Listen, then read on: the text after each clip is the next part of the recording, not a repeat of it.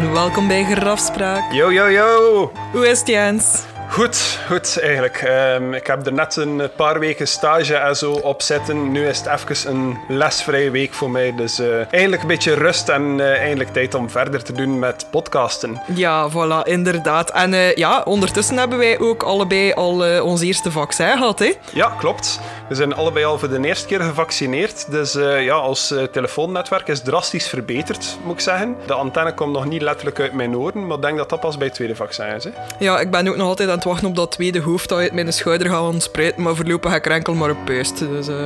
Dat is begin. Die puist wordt groter en groter en plots begint dat zo gezichtsfeatures te krijgen. Maar hoe is met u? Alles oké? Met mij alles oké. Voor de rest, ja, ik heb hier uh, een potje koffie voor mij klaarstaan. En uh, het is mijn vrije dag ook, dus kan niet beter zijn. Ja, en met dat je erover spreekt, ja, die koffie, van wie hebben we dat gekregen vandaag? Ja, klopt, inderdaad. Wij hebben uh, terug een kleine donatie gekregen. En deze keer wordt de koffie getrakteerd door Marcus. Dus heel erg bedankt daarvoor. Bedankt, Marcus. De koffie in deze aflevering komt van jou, dus we dragen de aflevering ook op aan jou. We appreciëren dat ten zeerste elke keer als iemand een koffietje wil trakteren aan ons. Dat is natuurlijk geen vereiste, maar voor wie dat ook wil doen en in ruil een shout-out wil krijgen in de aflevering, je kan dat allemaal doen via onze website en dat is, Niki... grafspraak.be Nu, misschien even op een meer persoonlijke noot, maar uh, het is vandaag ook wel een beetje een speciale dag voor ons, Niki. Ja, inderdaad. Uh, wij zijn al vijf jaar samen vandaag. Yes, inderdaad. De dag dat we dit opnemen, 25 januari 2021, is onze vijfde anniversary, zal ik maar zeggen. Uh, en uh, die spenderen we heel graag met onze luisteraars die dit pas binnen een week zullen horen. Ons houten jubileum. Merci om het al zo lang uit te houden met mij. Maar je zijn met een West-Vlaming samen, dus technisch gezien is het ook een beetje houden jubileum. maar goed, dat eventjes terzijde. Naast de koffietjes die je kan tracteren via onze website, is het ook mogelijk om ons een spraakberichtje in te sturen. Klopt, en wij hebben er ook terug eentje binnengekregen. En deze keer komt die opnieuw van Leentje. Ja, Leentje zat een tijdje geleden ook al eens in de podcast met een spraakberichtje. En is ook actief in de Facebookgroep, de Graspraak Community. En uh, had nog een verhaal om te delen met ons. Ik ben heel benieuwd, Niki. We zullen er eventjes naar luisteren. Hey Jens en Niki, het is hier Leentje nog eens. Ik heb nog een verhaaltje voor jullie van een vriend van mij. Voor uh, zijn privacy een beetje te beschermen, zullen we hem nu Tim noemen. Tim lag op een nacht te slapen in bed. En hij droomde dat er naast zijn bureau in zijn kamer een oude vrouw naar hem stond te kijken. Die was volledig zwart gekleed, een beetje Victoriaanse stijl, met zo'n sluier en ja, alles dat het typisch spooky maakt. En hij had een enorm akelig gevoel en hij schrok wakker. Hij was zo geschrokken dat hij recht schoot en op dat moment was er een lawaai van op zijn bureau. Er stond namelijk een plastic fles op zijn bureau en uh, ik weet niet als je dat al eens gehoord hebt, maar door uh, verschillen in warmte kan een fles zo ineens zo doen. En dat gebeurde dus toen hij wakker werd. Maar die fles stond op de plaats waar dat die vrouw in zijn dromen net stond. Behoorlijk spooky als je het mij vraagt. Bye! Oké, dank u Leentje. Ja, dank u wel. Nu, Nicky, hoe zou hij reageren als je droomt dat er daar een zwart geklede dame zit en dat het dan plots geluid van op diezelfde plaats hoort? Maar jong, ik zou ten eerste al blij zijn dat jij naast mij zou liggen, want jij zou ook direct wakker zijn van mijn gegil, denk ik. Misschien wel, ja.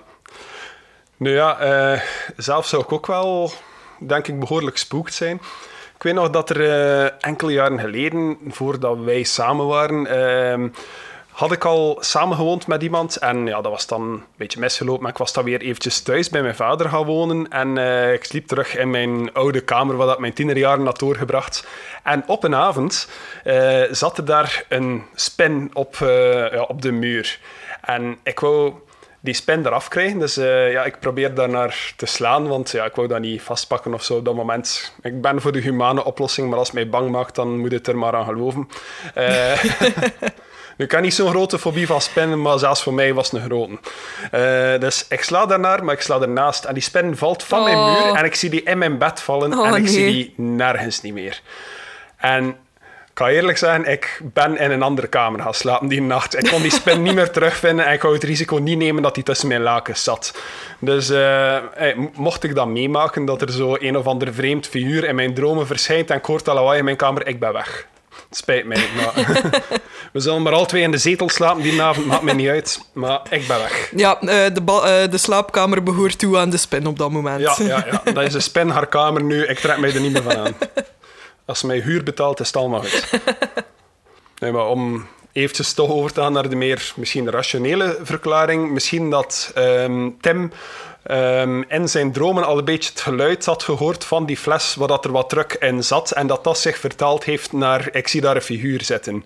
Ehm, eh, iedereen heeft wel al een keer meegemaakt natuurlijk dat er een geluid in een omgeving is terwijl dat ze aan het slapen zijn en dat dat verwerkt wordt in je dromen. Hè? Ja, tuurlijk, mogelijks. Of dat zelfs zo de eerste tonen van je wekker eigenlijk in je droom aan het gebeuren zijn Ja. door een andere situatie en dat je dan opeens het besef krijgt van oei, het is mijn wekker en dat je wakker ziet. Ja, inderdaad. En ik moet zeggen, allee, als onze kleerkast op onze slaapkamer ook zo op een kiertje staat, dan eh, durf ik mijzelf daar ook wel een keer paranoid in te maken dat er iets aan het kijken is vanuit die opening. Maar goed, heel erg bedankt dus, Leentje, voor je spraakbericht. En als jullie zelf ook een voice message willen sturen, kan dit uiteraard ook via onze website. Daar staat een knop op de homepage. Daar kan je tot een minuut lang een berichtje opnemen. Wil je een langer verhaal opnemen, kan dat natuurlijk ook. Dan kan je dat bijvoorbeeld via je eigen gsm opnemen en dan kan je dat gerust naar ons doorsturen. Ons e-mailadres is grafspraak.gmail.com. Inderdaad, maar als je een berichtje kiest door te sturen via een andere manier dan de website, vragen we toch om eerst eventjes contact op te nemen met ons, dat we weten dat we een bestandje gaan krijgen van jou. Ja, dus eh, neem de Ouija-bord maar klaar dan. Hè. Ja, inderdaad. Summon ons en dan is het allemaal in orde.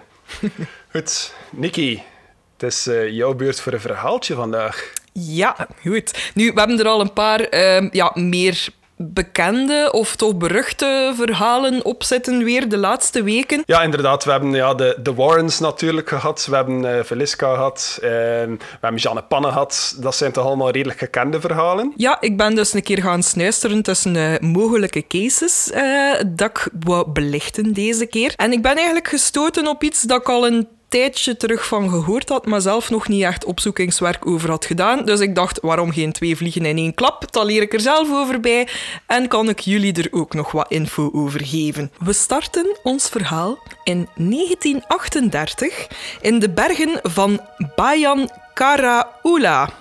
Dat ligt op de grens tussen China en Tibet. Oké, bedankt om dat eventjes te verduidelijken, want ik heb er absoluut nog nooit van gehoord. Ja, same. nu, in die bergen was professor Chi Pu Tei bezig met een archeologisch onderzoek. Hij was daar naartoe getrokken met een team. En ja, ik moet zeggen, bij hun eh, opzoekingswerk daar stoten ze toch wel op een paar ja, noemenswaardige dingen. Om te beginnen waren er daar een paar heel erg goed geordende reeksen van graven. Allemaal perfect rechthoekig en allemaal perfect mooi naast elkaar afgelijnd. En daarin lagen skeletten die toch niet echt 100% menselijk leken. Ze waren allemaal ongeveer 120 centimeter in lengte en hadden ook grotere schedels dan normaal zou zijn voor een gewone mens. Oké, dus het leek eigenlijk een meer primitieve versie van de mens eigenlijk dat erin lag. Ja, of ja, sommigen zouden misschien wel durven zeggen niet per se menselijk, maar hmm, dat was niet het enige dat ze vonden in eh, dat grote stelsel waar dat ze op dat moment zich bevonden. Ze vonden ook half begraven een hele reeks bijzondere schijven. Dat waren er 716 in totaal. En het speciale eraan was, ze hadden allemaal bepaalde inkervingen. Het waren schijven met een opening in het midden. En dan waren er spiralen aanwezig op die schijven met dan ook nog een keer bepaalde hieroglyfische opschriften erin. Oké, dus dit gaat niet over de uitvinding van de grammofoonplaat of zo. Nu bleek dat die schijven toch wel zeker 12.000 jaar oud zouden zijn. Oké. Nu gaan we fast forwarden in de tijd. We gaan naar 1958. Waarom?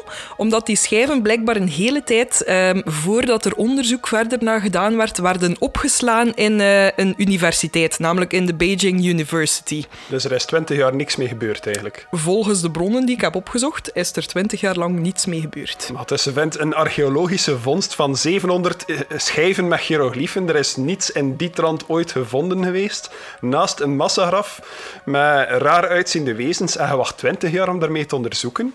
Oh ja, wat zou er gebeurd zijn moesten die schijven in Amerika gevonden geweest zijn? Dat was het 38 jaar geweest. We zitten dus in 1958. En daar voert professor Tsum Um Noi onderzoek uit, verder om de schijven dus eigenlijk ja, te, te achterhalen. Ja, wat is dat ermee? Nu, vier jaar lang besteedt hij dag en nacht eh, zijn onderzoek daaraan. En hij beweerde dan op dat punt dat hij de hieroglyphen zou ontcijferd hebben. Oké, okay, maakt mij heel benieuwd. Nu, wat bleken die hieroglyphen te zeggen? Zij vertellen het verhaal van het volk genaamd de Dropa. De Dropa zou een volk zijn die op de aarde is neergecrashed met hun ruimteschip. Nu, volgens meneer Tsum Umnoi, zou een van de schijven het volgende bevat hebben. De Dropa kwamen uit de wolken neergedaald in hun schip. Onze mannen, vrouwen en kinderen, dan spreek ik over de mannen, vrouwen en kinderen van de stam die er al leefde, schuilden in de grotten tienmaal voor zonsopgang. Wanneer we uiteindelijk de gebaren van de Dropa begrepen, beseften we dat de nieuwkomers goede bedoelingen hadden. Dus de stam die op dat punt al in het grottenstelsel leefde, zou de Ham-stam genoemd hebben. En de Ham hebben die schijven dan zogezegd gemaakt. Dat komt niet van de Droppa. Dat zijn geen alien schijven, maar ze vertellen gewoon het verhaal van... Die schijven vertellen inderdaad het verhaal. Want buiten die schijven waren er in het grottenstelsel ook nog tekeningen gevonden die volgens het onderzoek ook door die daar al levende stam zouden gemaakt zijn. Ja, en ze wisten dan dat die tekeningen op anderhalve meter hoogte waren en dat de Dropa dat onmogelijk konden doen. dan is er ja, een beetje discussie over natuurlijk van wat is er daarmee gebeurd verder.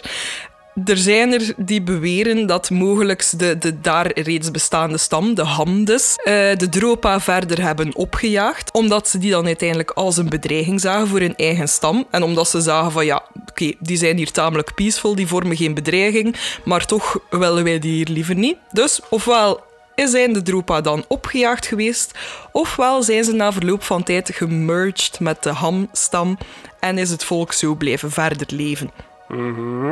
Nu, Tsum Umnoi zou zijn bevindingen publiceren in 1962. Maar dat werd helaas al direct op heel veel ongeloof onthaald. En uit schaamte zou hij dan ook als kluizenaar naar Japan trekken en kort daarop ook sterven. Ja, ik vraag me af waarom zo'n verhaal op veel ongeloof stoot.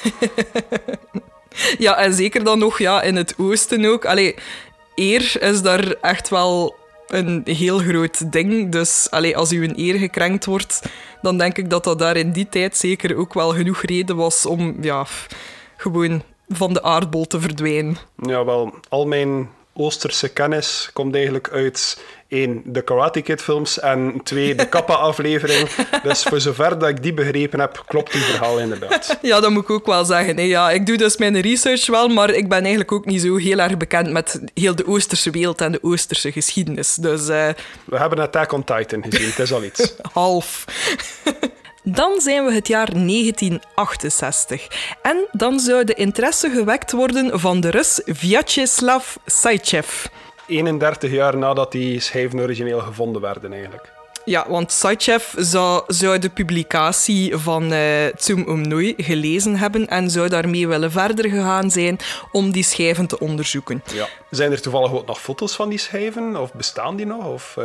Daar kom ik zo dadelijk op terug. Dus zoals dat ik zei, Saichev gaat ook uh, de stenen willen onderzoeken. Dus er worden enkele van die stenen naar Moskou verzonden.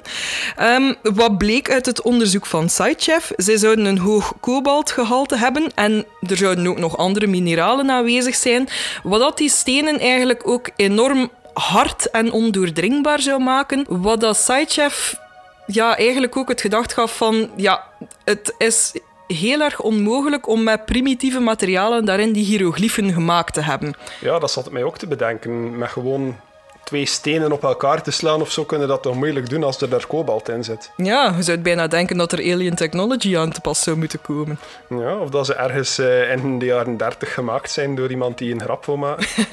nu, er werd ook ontdekt door een bepaald onderzoek en experiment erop uit te voeren uh, dat die stenen ook op een gegeven punt ooit een elektrische lading moeten gehad hebben. Dus ofwel werden ze ooit als geleider gebruikt voor iets, ofwel is er ooit elektriciteit op gebruikt geweest. Er zou op die manier dus iets met elektriciteit moeten gedaan geweest zijn met die stenen. Ja. Nu, dan komen we bij uw vraag over de foto. Want uh, die foto die ik u zo dadelijk ga tonen, werd genomen door de Oostenrijkse ingenieur Ernst Wegerer. En dat was in 1974. Want Ernst zou een bezoek gebracht hebben aan het Bampo Museum in Xi'an, waar dat er twee van die Dropa-stenen te vinden waren. Dus het heeft bijna 40 jaar geduurd voordat er iemand een foto van genomen heeft. Of toch een foto die gepubliceerd geweest is. Er werd beweerd dat er meerdere foto's werden gemaakt, maar dat de kwaliteit, de belichting en ja, de, de algemene staat van de foto's op het punt dat er ja, publicaties gebeuren of dat er meer uh, ja, nieuws was over de stenen, dat die eigenlijk niet goed genoeg meer waren, die foto's. Ja, oké, maar ik, ik, wil die foto's niet op mijn Instagram-profiel zetten. Nee, ik wil gewoon weten hoe dat die stenen eruit zien. maar kijk, dit is dus de foto die Ernst Wegerer zou genomen hebben. Ik ga ze nu nog niet uitbrengen, want het is nog zeker 30 jaar voordat filters uitgevonden worden. oké, ja, dat is heel crappy kwaliteit, maar het zien er eigenlijk... Ja, zoals ik van die metalen uh, stukken voor op gewichten te steken eigenlijk uit. Uh, ja, Het ziet er echt uit alsof dat deel van een halter is eigenlijk. Een beetje verroest en een beetje vervormd, maar ja, het zien er, uh, het zien er de metalen schijven op halters uit. Er is daar zeker een woord voor hoor, maar het feit dat ik daar niet kan opkomen toont eigenlijk ook al hoeveel, hoe vaak dat ik in aanraking kom met gewichtheffen. Ik zou zeggen gewoon gewichten. Gewichten, ja. het, zou, het zou wel kunnen dat dat is. Het heffen van gewichten. Ah ja. nu, wat ik je daarbij ook ondertussen ga tonen, is uh, een foto dat ik ook heb gevonden dat zo gezegd een van de skeletten zouden zijn die ook zijn opgegraven geweest in dat grottenstelsel. Maar daar heb ik eigenlijk geen enkele verdere bron van. Ik heb er één bron over gevonden die de foto had gepost en die zei van ja, we hebben eigenlijk niets van verdere info hierover. Dus doe daarmee wat je wilt. Ah ja, maar die foto heb ik al een keer gezien, denk ik. Ja, dat ziet er inderdaad een beetje... Het, is een vrij mensachtige vorm van lichaam. Uh, de schedel ziet er wel heel raar uit. Het ziet eruit alsof dat zo de bovenste twee derde van het hoofd eigenlijk het voorhoofd is en dat, uh, dat de ogen en de neus eigenlijk praktisch op gelijke hoogte onderaan het hoofd zitten. Ik denk toch dat dat de ogen en de neus zijn. En uh, verder is het heel moeilijk om er iets op te onderscheiden. Ik kan niet zeggen hoeveel tenen of vingers dat, dat wezen had. Um, maar het ziet er ja, inderdaad een klein mensje met een groot vreemd hoofd uit. Ja. Nu keren we nog even terug naar dat museum uh, dat onze Ernst had bezocht. Want uiteraard, als goede wetenschapper zijnde, wou Ernst natuurlijk ook meer info vergaren over die stenen. Nu, het vreemde daar was uh, dat ze in het museum zelf hem blijkbaar geen verdere info konden of wilden geven. Dus, allee, basically was dat een museum dat zei van ja, oké, we hebben hier wel wat shit liggen dat er een beetje oud uitziet, maar voor de rest kunnen we er u geen info over geven. Toevallig waren ook alle medewerkers van dat museum gekleed in zwarte maatpakken met fedora's en donkere zonnebrillen nog.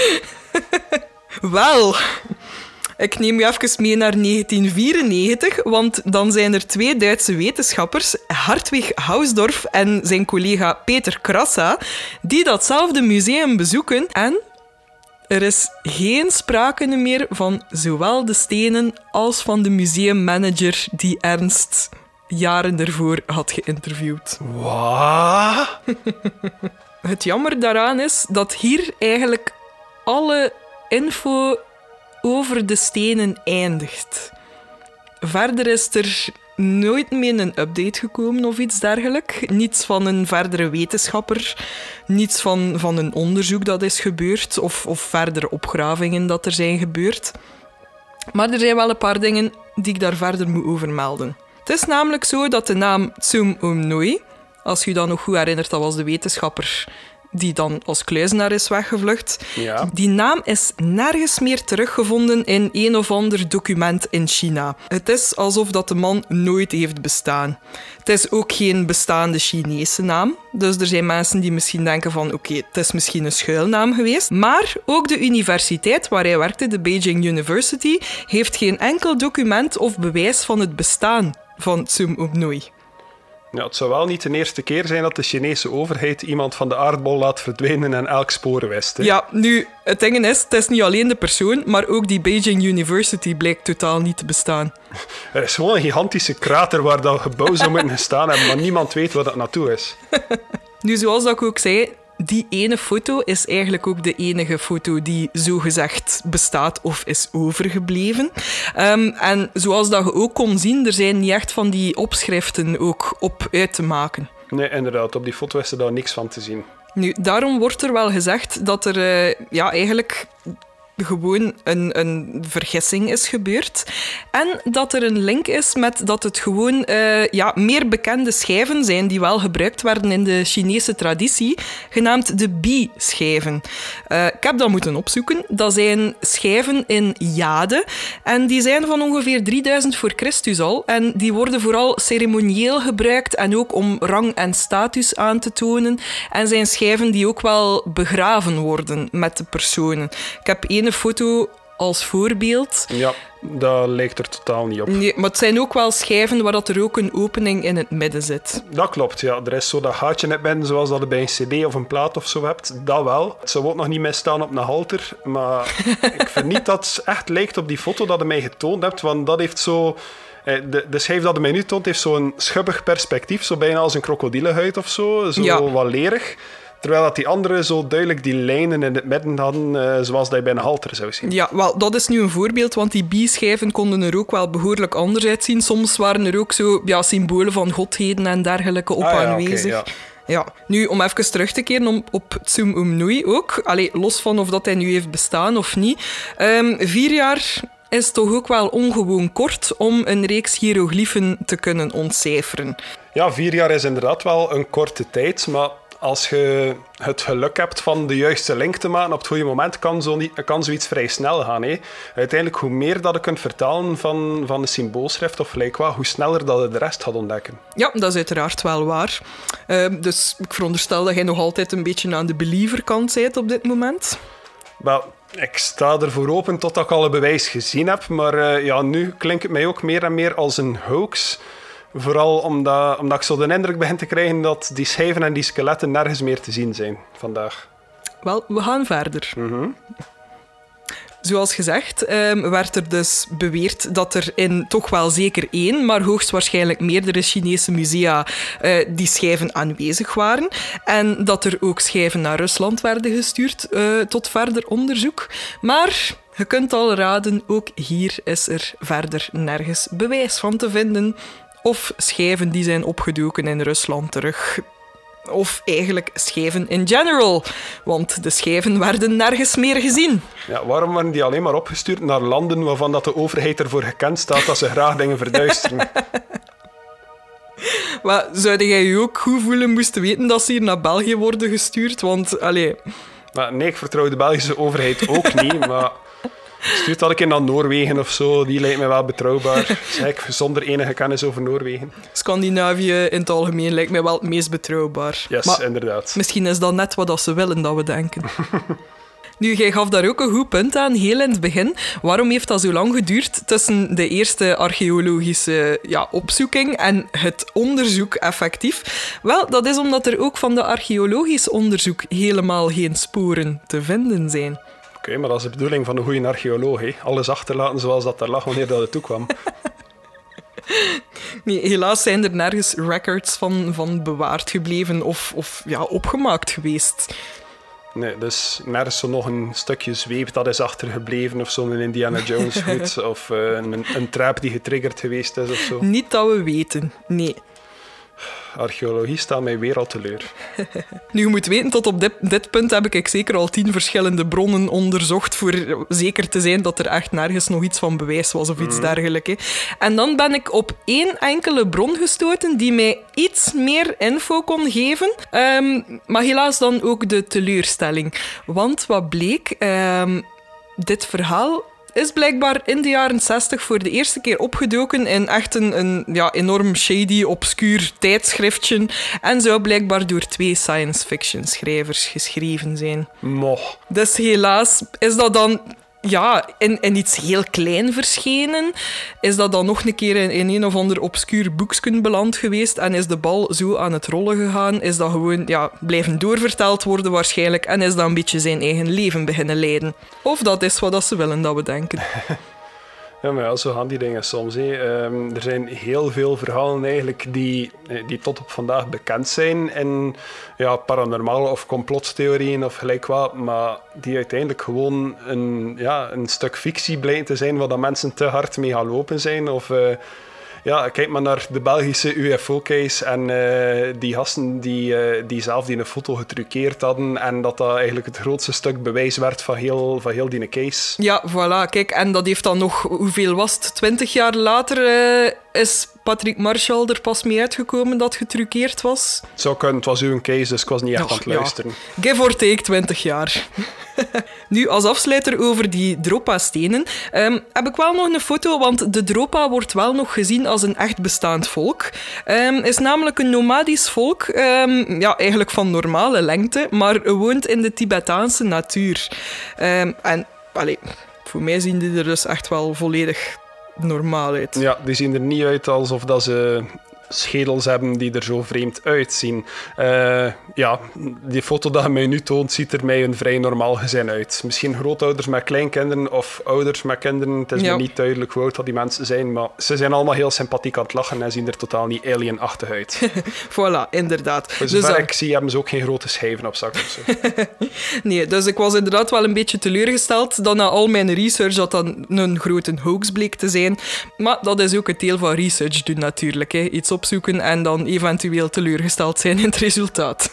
Ja, wel, helaas vinden niet altijd voldoende bewijs dat, eh, dat uw zaak kan staven, of vinden net bewijs dat hem, dat hem afkraakt, ja.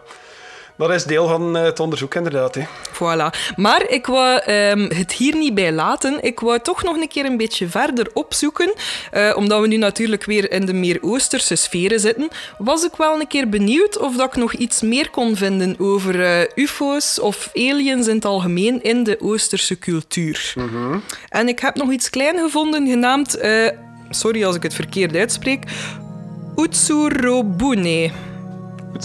Hè? Ja, oké. En dat zou Japans zijn. Ehm, en het is ook een legende eigenlijk die toch al ja, meer dan 100 jaar de ronde gaat. En daar heb ik wel verschillende afbeeldingen van. Ik ga daar een keer mee beginnen. Vier afbeeldingen in totaal. Oh, ik heb die al een keer gezien, denk ik, ja. Dus ehm, de eerste afbeelding dat ik zie is... eh, ja, er staat een vrouw met, zo te zien, een tijgerprint broek aan. Die eh, precies een doos of een grote klomp hout of zo onder haar arm houdt. En naast haar zie je een... Ja, ik vermoed dat het een ufo is, maar eh, ja, de bovenkant is zo wat bolvormig. Het ziet er een beetje uit alsof dat er oftewel zo lichten of luidsprekers op zijn, oftewel zijn er gewoon patches op geborduurd. en ehm, ja, de onderkant zie je precies een iets hoekiger uitsteeksel, eh, waar dat er allemaal lijnen naartoe gaan. Het is bijna zo eh, als een parasol die een beetje uitgekeerd is eigenlijk. Ja, Dan daaronder zie je ehm, een man met een ehm, kimono aan. En opnieuw is er iets gelijkaardigs boven hem aan het vliegen. Maar nu is het, ziet het er een beetje boller uit, met een meer uitgesproken middenstuk. Ja, ik ben niet fantastisch in dingen omschrijven, maar ze zullen in de casefile staan. Mag ik al de foto's beschrijven? en op een andere foto zie je nog een persoon met een rond object. doe maar. Nee, wel, je ziet weer iemand met, eh, met een soort doos of houtstaaf onder zijn arm, inderdaad. En eh, opnieuw een gelijkaardig uitziende ufo, maar wel duidelijk van een andere tekenaar. En dan nog iemand met een doos en een UFO. Het zijn eigenlijk vier gelijkaardige tekeningen, maar ze zien er wel uit alsof dat ze uit andere bronnen komen. Ja, voilà. En dat was eigenlijk ook mijn bedoeling, want het gaat dus allemaal over dezelfde legende, maar ja, dus via verschillende, zal ik maar zeggen, getuigenissen gemaakt. Ja. Zoals dat jij dat nu in één zin kon omschrijven, heb ik er vijf minuten voor nodig gehad. Maar Maar Utsu Robune ehm, wil dus letterlijk vertaald hollow ship zeggen. En eh, de legende is eigenlijk van start gegaan in het jaar 1803.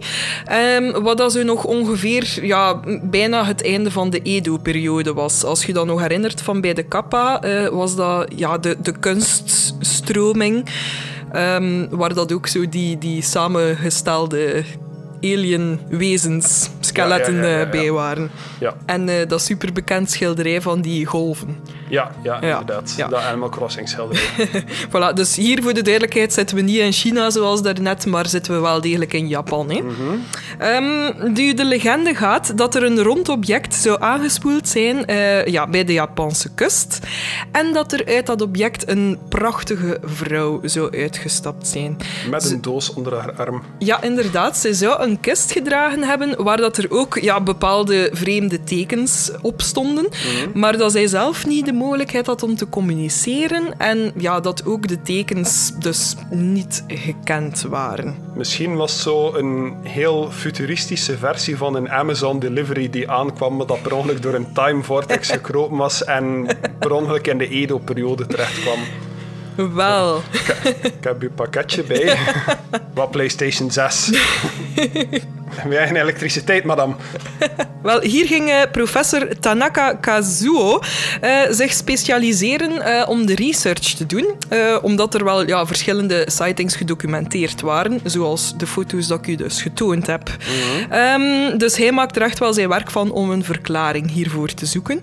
Ehm, zijn allereerste verklaring waarmee dat hij begon was eigenlijk om, om de logica te gaan zoeken. Ehm, en hij dacht origineel aan een aangespoelde Russische boot. Waarom zijn het altijd de Russen die... Ja. Elke keer dat er zo futuristische technologie gespot wordt in gelijk welk land, oh, het zijn de Russen. Nu, een tweede verklaring, en allee, vind ik persoonlijk ook wel een mooi verhaal, heeft eigenlijk te maken dat de, de tekeningen die gemaakt zijn te vergelijken zijn met tekeningen van prinses Konjiki, die te vinden zijn in de Shofukui-tempel in Kamisu. Ah, daar. Ja, hè?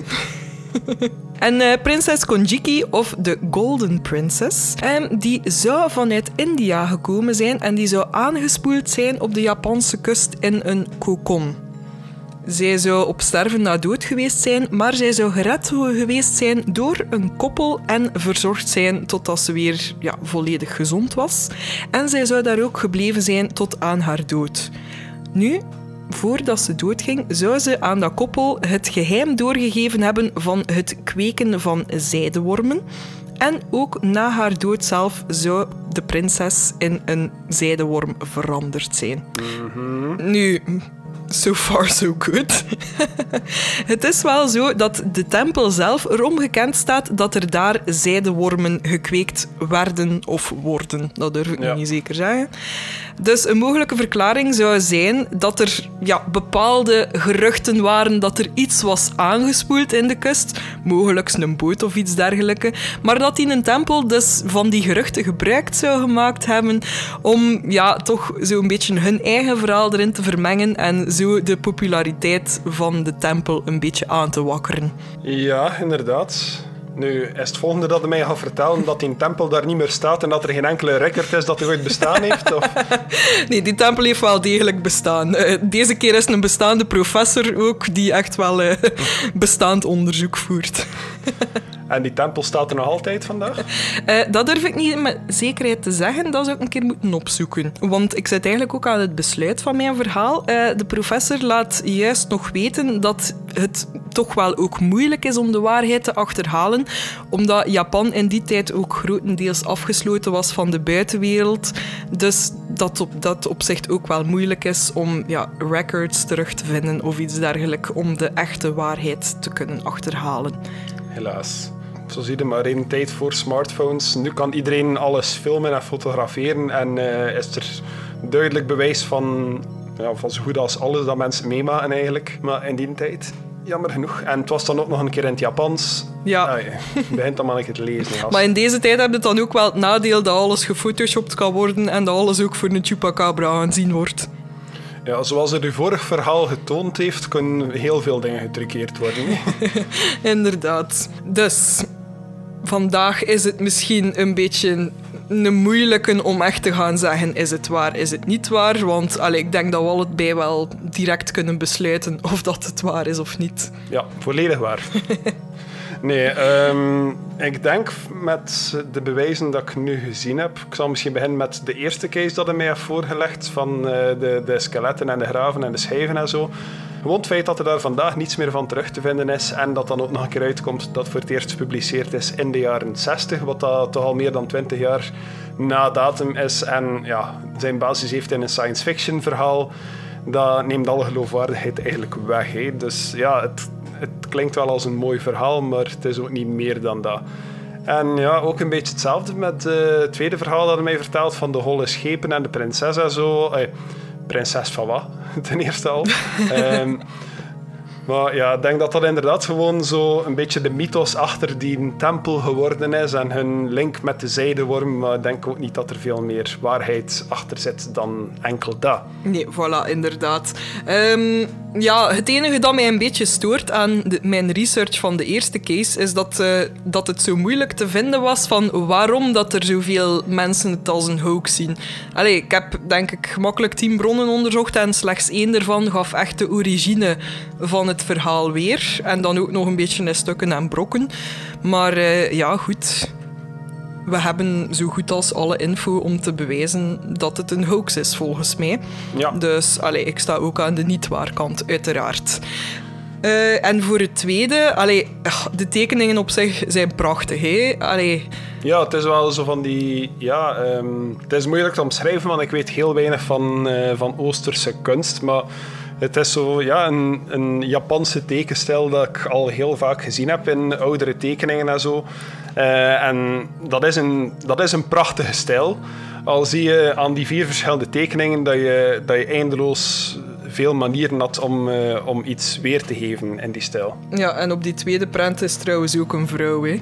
Dus, eh, Oké, ja, wel, ze, ze leek mij mannelijk, maar het spijt mij moest die prinses nog ergens rondzweven als, eh, of rondkruipen als een zijderups. Eh, mijn excuses.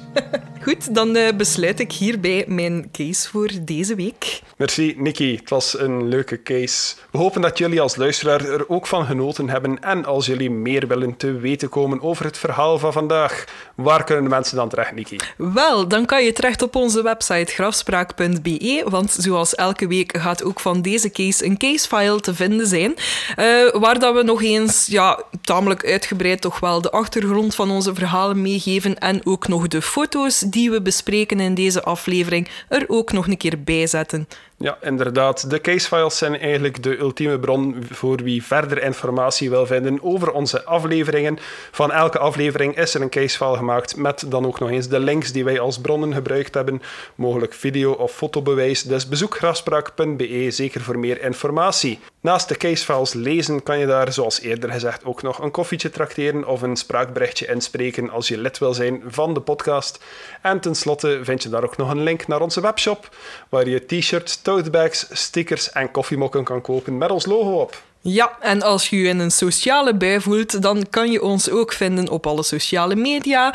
Dat is Twitter, Instagram en Facebook onder Grafspraak. En we hebben ook onze ongelooflijk gezellige Facebookgroep genaamd Grafspraak Community. Daar kan je voor alles terecht. Je kunt de case van vandaag of afgelopen cases bespreken, uw mening erover geven, memes delen, noem maar op. Klopt volledig. Grafspraak is trouwens ook te vinden op zowel YouTube, waar je gewoon een audioversie van de podcast kan beluisteren. Videoversies is misschien iets voor de toekomst. Verder kan je ons ook nog vinden op Spotify, op Apple Podcasts, op Google Podcasts, op Stitcher, op alle podcastplatformen eigenlijk die je maar kan bedenken. En voor wie de Apple Podcast Store gebruikt, vragen we ook om ons een rating te geven. Want elke rating brengt de podcast iets hoger in de rangen, waardoor meer mensen ons kunnen ontdekken en onze paranormaal community enkel maar kan groeien. We vragen dan ook voor wie Apple Podcast gebruikt om ons een 5-sterren rating te geven. Want indien je minder dan 5 sterren heeft, kan het wel eens gebeuren dat de bezorger met je pakje in een heel andere tijdzone terechtkomt. Bedankt voor het luisteren. Tot volgende week. Bye bye.